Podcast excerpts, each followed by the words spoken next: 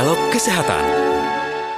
Untuk dialog kesehatan pagi hari ini tema kita adalah sel-sel pertahanan tubuh di dalam ASI. Benarkah keberadaannya? Dan nanti kita akan membahasnya bersama dengan Dr. Ahmad Aulia Yusuf AHK, PhD Departemen Histologi dari FKUI. Anda pun juga nanti bisa bergabung bersama dengan kami di 021 352 3172, 386 2375, 384 4545, 386 6712. Baik, kami sudah bersama dengan Dr. Ahmad Aulia Yusuf. Dr. Ahmad, selamat pagi. Selamat pagi Mbak Aspa. Salam sehat dokter. Waalaikumsalam warahmatullahi wabarakatuh. Alhamdulillah sehat. Baik. Sehat juga di sana. Sehat juga alhamdulillah dokter. Nah, dok, ini tema kita sel-sel pertahanan tubuh di dalam ASI, benarkah keberadaannya? Ini sebenarnya bagaimana sih, dok? Di dalam ASI itu ada apa aja sih? Kemudian eh, kan tidak banyak orang yang tahu begitu, kecuali memang dari dokternya ini yang paling paham gitu ya, dok ya. Iya. Silakan dok dijelaskan, dokter. Ya. Uh, ya kalau kita lihat ya ASI ya atau air susu ibu ini adalah susu yang diproduksi oleh ibu ya untuk mengkonsum untuk konsumsi bayinya ya dan merupakan sumber gizi utama bayi yang belum dapat mencerna makanan padat ya. Nah, ASI ini disarankan diberikan hingga si kecil ini berusia 2 tahun ya. Meskipun ya. pada usia enam bulan itu sudah diberi juga makanan tambahan ya untuk pendamping ASI. Tapi memang disarankan untuk tetap bisa dilanjutkan hingga usia 2 tahun ya. Nah, memang ini kalau kita lihat di dalam kitab suci ya, kitab suci Al-Qur'an ya. Ini Allah juga menganjurkan pemberian ASI selama 2 tahun ya. Mungkin nanti bisa dilihat di surat Luqman ayat 14 dan Al-Baqarah ayat 233 ya. Nah, kalau kita lihat ya uh, kandungan dari ASI ya ini memang mempunyai keunggulan dibandingkan dengan uh, susu pengganti ASI atau yang, yang sering dikenal sebagai PASI ya. Kenapa demikian? Ya, yang pertama karena kandungan gizinya cukup baik karbohidrat, protein, lemak, vitamin dan mineral ya. Dan semua bahan-bahan ini itu mudah dari dalam pencernaan ya. Bahan-bahan ini juga uh, akan mendorong pertumbuhan bakteri usus yang normal ya sehingga uh, bayi ini menjadi terlindungi dari penyakit ya. Nah, di samping itu ya, ASI ini juga akan menambah ikatan emosional ya antara ibu dan bayi. Ya, sehingga ya dari penelitian ini juga dapat menambah kecerdasan dari si kecil. Oh ya. Jadi kalau ASI eksklusif itu efeknya luar biasa ya dok ya ternyata ya. Betul ya. Kemudian juga ASI ini dapat menjaga berat badan bayi supaya tetap seimbang. Jadi sangat jarang bayi yang mendapat ASI ini uh, gemuk secara berlebihan begitu ya. Lalu juga ASI ini selalu tersedia dalam kondisi segar ya. Juga ASI murah meriah ya. Istilahnya nggak nggak perlu biaya yang tinggi ya. Sudah memang ada ya pabriknya juga uh, ya istilahnya ini usaha UMKM lah ya. Ya, usaha rumahan begitu. ya. Nah, kemudian yang terpenting ya, ini ASI mengandung antibodi yang membuat sistem kekebalan tubuh si bayi menjadi lebih kuat ya dalam melawan segala bakteri dan juga virus ya. Nah, di sini uniknya ya. Kalau kita lihat ya, sistem kekebalan tubuh itu sebenarnya ada dua jenis. Yang pertama dipanggil kekebalan humoral ya. Ini yang berupa antibodi ya. Jadi kalau ibaratnya ini adalah cuman penyawaan kimia ya atau cairannya saja mm -hmm. ya. Jadi ibaratnya ini kayak santet lah dalam dunia perdukunan ya atau tenaga dalam dunia silat ya. Jadi menghancurkan musuh tanpa berantem. Kirim santet saja ya. Udah selesai gitu ya, Dok. Nah, ya ini yang moral ya. Nah, yang kedua adalah kekebalan seluler. Nah, kalau yang ini ini langsung nih diperankan oleh sel-sel yang langsung berantem kontak fisik sama bakteri atau sama virusnya. Nah ini biasanya diperankan oleh sel makrofag dan juga limfosit T ya kalau di dalam dunia kedokteran ya. Nah kalau kita lihat sistem tubuh kita ada dua ya sistem kekebalan humoral dan sistem kekebalan selular. Nah apakah sistem kekebalan yang diwariskan dari ibu kepada bayinya itu juga ada dua jenis tersebut. Oh, ya. Okay. Nah selama ini kita yang hanya tahu bahwa sistem kekebalan yang diwariskan oleh ibu itu adalah dalam bentuk antibodi. Jadi yeah. udah senyawaan. Jadi santetnya lah istilahnya. Tapi apakah selnya ya itu juga diwariskan dari ibu diturunkan kepada Anak. bayinya. Nah, nah, ini pengetahuan tentang ini ini belum lama ya, baru beberapa tahun terakhir itu diketahui ternyata ASI bukan hanya mengandung antibodi, tetapi juga sel-sel yang berperan di dalam sistem kekebalan tubuh yang seluler. Jadi ada makrofag ya, kemudian juga ada uh, sel T ya, natural killer C ya, dan sel-sel yang terlibat dalam imunologis yang lainnya. Ya. Nah, dengan demikian ya, kalau misalnya di dalam ASI ini ada antibodi humoralnya uh -huh. dan juga ada sistem selulernya, maka lengkaplah sudah ya sistem kekebalan yang diwariskan oleh ibu kepada anaknya ya. Oke, okay, Tapi baik. memang penelitian tentang ini saat ini masih berjalan ya yang untuk kekebalan selular. Oke. Okay. Ya. Nah, Dokter Ahmad, kalau ya. kita memberikan ASI eksklusif kepada anak-anak kita begitu ya, Uh, apakah mereka nantinya akan jarang sakit misalkan atau memang tetap itu memang sudah terbukti akan tetap sehat kondisinya gitu ya kalau kita memberikan ASI eksklusif? Nah, di dalam ASI eksklusif ya ASI itu sendiri ya seperti yang saya uraikan tadi di samping mengandung antibodi yang humoral ya. Jadi senyawaan-senyawaannya dan juga ada sel-selnya yang memproduksi senyawaan-senyawaan tersebut. Jadi diharapkan dengan pemberian uh, ASI secara eksklusif ya kecukupan akan sistem pertahanan tubuh pada bayi ya ini akan tercukupi karena pada awal-awal dari kehidupan bayi yeah. itu sistem kekebalan tubuh itu belum belum bekerja ya secara maksimal. Ya. Jadi setelah berapa bulan maka kekebalan tubuh itu baru mulai terbentuk ya dengan optimal ya sehingga nanti diharapkan ya setelah ASI ini mulai menurun produksinya maka sistem kekebalan tubuh dari bayi sendiri mm -hmm. itu sudah bisa mengambil alih ya sistem kekebalan tubuh. Oke. Okay. Jadi seperti itu. Baik. Nah, dokter, kalau tidak ya. salah ya dokter ini saya dengar-dengar juga katanya ASI itu jenisnya macam-macam ya dok ya? ASI jenisnya betul ada macam-macam. Yang pertama itu adalah kolestrum ya. Kolestrum, nah, kolestrum itu apa dok? Jadi kolestrum itu adalah ASI yang dibentuk ya beberapa saat ya sebelum kelahiran sampai beberapa hari setelah kelahiran okay. ya. Jadi nah, ketika itu, diberikan ketika awal ya oh, si bayi lahir awal. itu namanya apa tadi kolostrum ya? Kolostrum. Kolostrum. Ya, itu okay. biasanya agak kental, warnanya agak hmm. kuningan ya. Nah itu kalau dibilang itu cream of the cream dari ASI. Oh, sarinya gitu ya dok ya? Sarinya ASI. ya. Nah, setelah itu baru ASI transisi. Ya biasanya itu setelah lima hari ya itu uh, aksi transisi mulai terbentuk. Jadi antara kolesterol dan ASI yang nanti akan dibentuk selanjutnya. Baru setelah itu beberapa hari kemudian ya hmm. itu baru terbentuk ASI yang kita kenal seperti ASI yang biasa. Dan okay. itu itu yang nggak akan diproduksi terus begitu. Dok, itu kalau ASI itu warnanya uh, memang putih uh, tak, seperti itu atau ada ada yang semacam agak kuning-kuning gitu ya? Uh, Hmm. Dokter. Nah, kalau ASI, kalau yang pertama kolestrum tadi itu memang agak kekuningan. Hmm, karena baru keluar gitu ya. Baru keluar. Okay. Cream of the cream. Nah, hmm.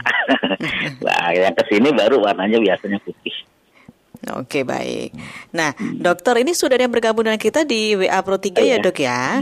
Baik, dari silakan. Ibu Zulaika di Jakarta. Selamat pagi RRI, selamat pagi juga Bu Zulaika. Gimana caranya agar menjaga ASI ini tetap lancar? Nah ini gimana dokter?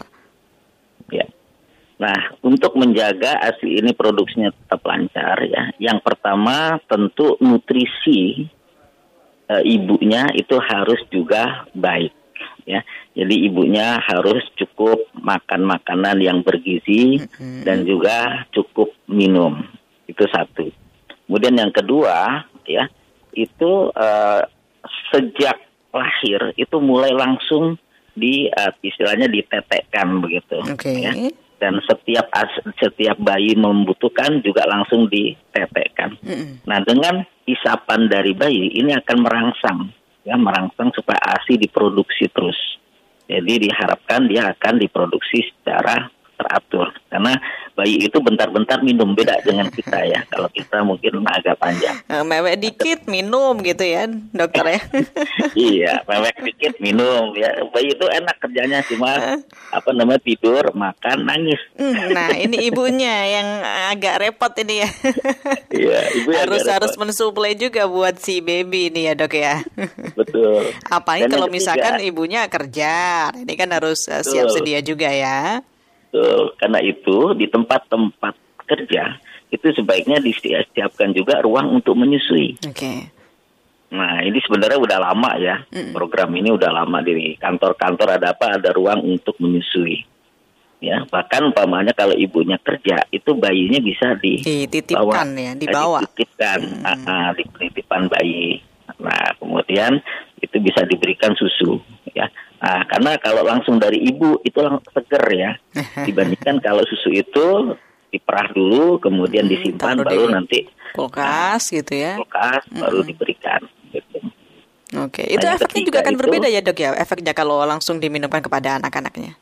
Betul, agak sedikit apa agak sedikit menurun kualitasnya hmm, begitu. dibandingkan dengan segar. Atau daya ini apa namanya ketika kita menyimpan ada jangka waktunya, jadi biar nggak kelamaan, biar kualitasnya ini tetap terjaga gitu dok. Betul, betul. Ya.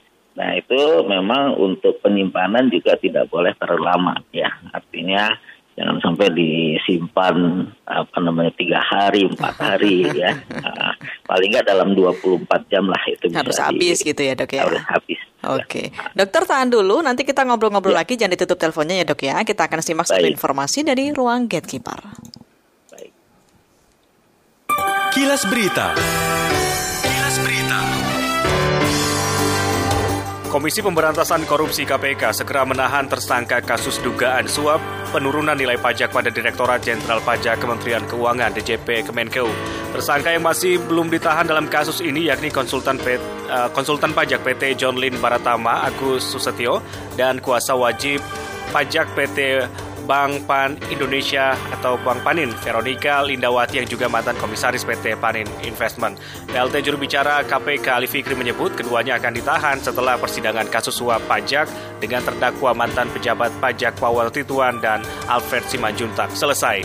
Informasi terupdate lainnya dapat Anda baca di laman resmi kami rri.co.id. Berita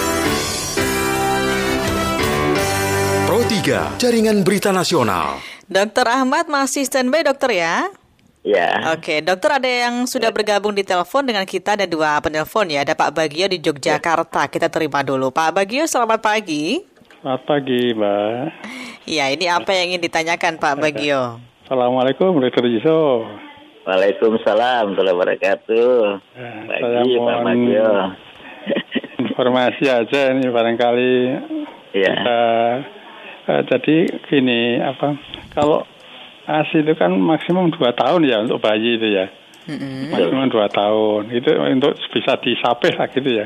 Kalau seandainya yeah. itu sudah sampai dua tahun lebih tapi ya anaknya tidak mau disapih-sapih itu gimana itu ya? Maksudnya gimana? Dua tahun lebih anaknya enggak? Ya, belum disapih, jadi masih minum asi terus. Oh, gitu. asi terus. Pengaruhnya apa gitu maksud saya gitu terhadap okay. anak itu khususnya. Karena memang asinya juga masih lancar gitu ya. Gitu. Kita saya terima kasih. Itu saja ya. Terima kasih Pak Bagio ya. Selamat pagi. Ada Bu Ida di Tangerang. Bu Ida selamat pagi. Ya, selamat pagi RRI.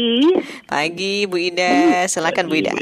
Ya, ini apa itu saya cuma mau nge-share aja. Anak saya yang pertama dulu itu kan sampai dua tahun itu kan saya ketika itu lagi hamil. Yeah. Sampai lebih dua tahun setengah minum ASI tapi tanpa apa itu saya sape.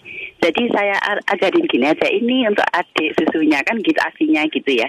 Nah terus anak yang kedua itu sampai usia hampir lima tahun itu ASI terus nggak hmm. apa-apa sampai sekarang. Terus okay. perbedaannya kecerdasan anak yang pertama dan yang kedua itu beda. Hmm. Yang lebih lama apa itu nganu ASI itu kan sampai hampir lima tahun yeah. TK nol besar itu itu kecerdasannya tuh lebih tanggap terus yeah. alhamdulillah dari kecil tuh hampir nggak pernah sakit sampai hmm. sekarang terus Daya tahan tubuhnya dulu, bagus berarti ya imunnya hmm. oh mungkin yang pertama dulu itu kan karena mas TK nol kecil itu anu apa itu kena per, pernah itu loh kena apa sih namanya apa? dari luar itu loh sakit kalau sekarang itu infeksi saluran pernafasan atas oh, gitu loh. Iya iya. Pernah gitu terus terapi 9 hmm. bulan. Hmm. Selesai alhamdulillah nggak apa-apa. Nah yang saya tanyakan itu gini, apa memang benar kalau ASI itu sampai lebih dari dua tahun itu terpengaruh pada perkembangan atau gimana? Dan kedua, apakah hasil ASI dari orang tua itu tergantung bagaimana konsumsi makan sang ibu itu aja Mbak. Terima kasih Baik, dokter. Terima kasih Bu Ida. Waalaikumsalam warahmatullahi wabarakatuh. Ada lagi pendengar kita uh, dokter ada Pak Nur Hadi di Bekasi. Pak Nur Hadi, selamat pagi. Terima kasih, selamat pagi Mbak Aska. Ya, silakan Pak Nur Hadi. Yusuf. Mm -mm. Baik, Mbak Aska. Selamat pagi Dokter Yusuf. Salam sehat buat kita semua. Ya. Dokter, uh, saya setuju. Saya mohon maaf saya dari angkatan yang sebelum ada IMD sampai dengan sekarang IMD itu tiga uh, lima puluh per, apa 100% bertolak belakang tapi bersyukur ya dokter ya. Kalau dulu yeah. dibersihin dulu, kalau sekarang uh, ikutin uh, program dari Allah uh, Mama Maria begitu artinya biar uh, ini sendiri ke puting ibunya. uh, yang saya mau tanyakan begini dokter sehubungan dengan topik pagi hari ini. Uh, selama bayi tidak terganggu menyusu yang eksklusifnya kan kebutuhan produksi banyak mau sedikit tergantung request di bayi ya dokter selama dia bonding. Nah boleh tahu nggak karena kondisi tertentu eh, ketelepasan uh, bundanya memberikan uh, empati begitu. Nah sehingga kan uh, requestnya berantakan, nggak sesuai sama order pertamanya. Ini saya pakai asumsi Mbak Askan dok dokter Yusuf kayak kita lagi pesen order yeah. makanan di restoran begitu ya. Nah kemudian yeah. boleh tahu dok secara mekanisme tubuh itu mengcancel membatalkan mau minta lebih banyak atau lebih dikit itu berapa jam atau berapa hari gitu sehingga bisa kembali normal terhadap bayinya karena uh, requestnya salah gitu di cancel atau di mana itu dimungkinkan nggak? Jadi kayak ritme kebutuhan asinya ini iya. berubah-ubah gitu intinya begitu ya? ya? Berubah-ubah okay. tapi kan kita harus kembalikan uh, bonding kepada yang bisa ngorder kan cuma si bayi nggak yeah. bisa orang tergantung tuanya. kebutuhan gitu. pas pengen atau enggak nih si bayi gitu yeah, ya. Iya betul. Enggak biar nggak terlalu berlebih sampai tumpah-tumpah okay. atau nggak terlalu kekurangan begitu maksudnya. Okay, Itu baik, saja siap. dokter. Terima Yusuf. kasih Pak Hadi ya. Terima kasih selamat pagi. Ada tiga pertanyaan tadi ya uh, dari Bu Ida dan juga Pak Nur Hadi kemudian juga Pak Bagio. Nah silakan dijawab Dokter Ahmad tadi ada yang bertanya. Yeah uh, usia 2 tahun tapi masih ASI terus. Kemudian ini juga hampir sama dengan tadi yang Bu Ida sampaikan, ada anaknya yang dua setengah tahun udah selesai ASI, ada juga satu anaknya yang usia sampai lima tahun masih ASI dan kecerdasnya ini berbeda dok. Kemudian rentan kena sakit yang apa yang asinya itu nggak panjang nggak sampai lima tahun cuma dua setengah tahun sementara yang apa anaknya yang lima tahun asi terus itu justru nggak gampang sakit nah ini gimana dok? Ya Uh, ya, terima kasih. Mungkin yang pertama ya dari Pak Bagio di Jogja, yeah. ya. Nah itu uh, menanyakan kalau sudah dua tahun bagaimana. Jadi memang yang dianjurkan itu sampai dua tahun. Artinya bukan itu harus setelah dua tahun harus berhenti, enggak. Mm. Jadi itu sebetulnya uh, artinya adalah sedikit sedikit-dikitnya kalau bisa bayi itu sampai dua tahun itu dikasih asi gitu. Nah okay. kalau umpamanya setelah dua tahun apa masih tetap mau asi dan selama asinya itu masih ada, saya kira tidak menjadi masalah ya. Justru itu baik. Paling nanti anaknya sendiri pelan-pelan dia akan akan malu sama teman-temannya tuh biasanya. Jadi memang uh, kita bisa mencoba untuk menyapi usia dua tahun ya Nah, tetapi ya mengas apa, menyapihnya itu tentu dengan cara-cara yang apa yang pais ya karena kalau memang itu lebih dari dua tahun pun itu sebetulnya nggak apa-apa selama asinya masih ada. Oke, sama seperti tadi kasusnya Bu Ida ya, usia lima tahun Betul. masih asi ya dokter ya. Betul ya. Nah untuk yang kedua ya itu yang dari Bu Ida ya itu benar sekali Bu karena di dalam ASI ini ada ya yang dipanggil penyawaan uh, doxohexanoid ya asid ya. Uh, atau arachidonic uh, anomis ya. Ini adalah uh, material yang sangat diperlukan ya untuk pembentukan jaringan otak untuk fungsi perkembangan otak. Itu ada di dalam ya. ASI itu ya. Dan juga di ASI seperti yang saya sebut tadi itu imunoglobulinnya itu lengkap mm-hmm. ya apalagi pengetahuan sekarang ditambah juga ada sel-sel kekebalan tubuh sistem sistem kekebalan tubuh yang ada di ASI itu menjadi lengkap Okay. Ya, dengan kondisi tersebut tentu ini berpengaruh positif terhadap perkembangan otak ya dan juga dari untuk si anak. kekebalan tubuh dari si anak. Hmm. Kemudian juga makanan berpengaruh ya dok ya ternyata ya atau gimana dok? Jelas ya makanan untuk si ibu ini berpengaruh ya. Sama mohon maaf ya, bukan saya menyamakan dengan sapi ya. Sapi itu kalau rumputnya itu cukup ya makanannya cukup rumputnya Gemuk, juga rumput gitu gajah ya, bukan rumput waduh subur banget itu. Produksi asinya banyak. Bagus, ya. ya begitu juga kita ya. Karena itu memang gizi itu perlu. Jadi untuk memberantas stunting salah satunya adalah bagaimana kita menggelorakan kembali. Hmm. Dan asi yang bermutu dan juga cukup. Oke. Okay. Ya. Nah, cuma saya nih uh, mesti kasih tahu ya, karena kadang-kadang ada uh, salah pengertian mengenai ASI eksklusif ini. Ya. Jadi kalau memang asinya cukup, ya itu sebaiknya ASI eksklusif sampai enam bulan. Ya, tapi kalau asinya tidak cukup, nah ini hmm. jangan dipaksakan. Kadang keluarnya Jadi, agak susah, dikit-dikit uh, uh, gitu ya dok ya. Ya, jangan dipaksakan untuk cuman kasih asi saja, karena. Jadi harusnya gimana dok? Uh, bisa kita kombinasi kalau itu uh, asinya itu sangat sedikit sekali ya, okay. minim sekali. Okay, Jadi baik. kita berikan pasi, tapi juga tetap kita berikan asi. Okay. Mulutnya bayi itu tetap selalu ditempelin ke tete ibunya, ya meskipun produksinya seret gitu. Okay. Karena ada yang dipanggil yeah. fenomena letdown fenomen. Jadi produksi ASI itu akan deras begitu mm-hmm. mata ibunya itu melihat bayi. Oke, siap. Jadi alamiah ya muncul ya dokter ya. alamiah. ya. Nah, dokter Betul. terakhir dokter ini ya. uh, dijawab singkat aja dokter ya karena waktunya terbatas ya. terkait tadi Pak Nur Hadi bertanya mekanisme tubuh ini akan memproduksi hmm. banyak atau sedikit ASI kan tergantung uh, requestnya si baby. Nah, ini gimana Betul. dokter? Jadi si bayi itu sebetulnya ada satu fenomena ikatan ya, ikatan batin dengan ibunya. Jadi kalau setiap dia menyusui ibunya, ibunya itu otomatis akan merangsang produksi ASI. Begitu dia sudah kenyang lepas, maka begitu lepas dari puting susunya itu juga hmm. satu mekanisme pengereman produksi. Hmm. Jadi kayak kita buka apa buka air ya, yeah. kerannya dibuka deras, ntar kalau itu di ini tutup lagi gitu. Tapi tidak akan berpengaruh pada pada kelancaran ASI juga ya dok ya itu ya? Nah itu uh, kelancaran ASI dipengaruhi itu hmm. oleh adanya daya isap dari uh, bayi. Nah, jadi kalau bayi itu apa mengisap puting susu ibunya hmm. itu akan merangsang merangsang produksi ASI akan secara alamiah nanti akan, akan keluar gitu ya dok ya. Keluar, gitu. Baik. Betul. Dokter terima kasih waktunya sudah berbincang dengan Pro 3 ya dok ya. Sama-sama. Semoga sama ini bisa menjadi edukasi untuk ibu-ibu yang sekarang punya bayi atau yang mau melahirkan jadi bisa dipersiapkan begitu ya dok ya.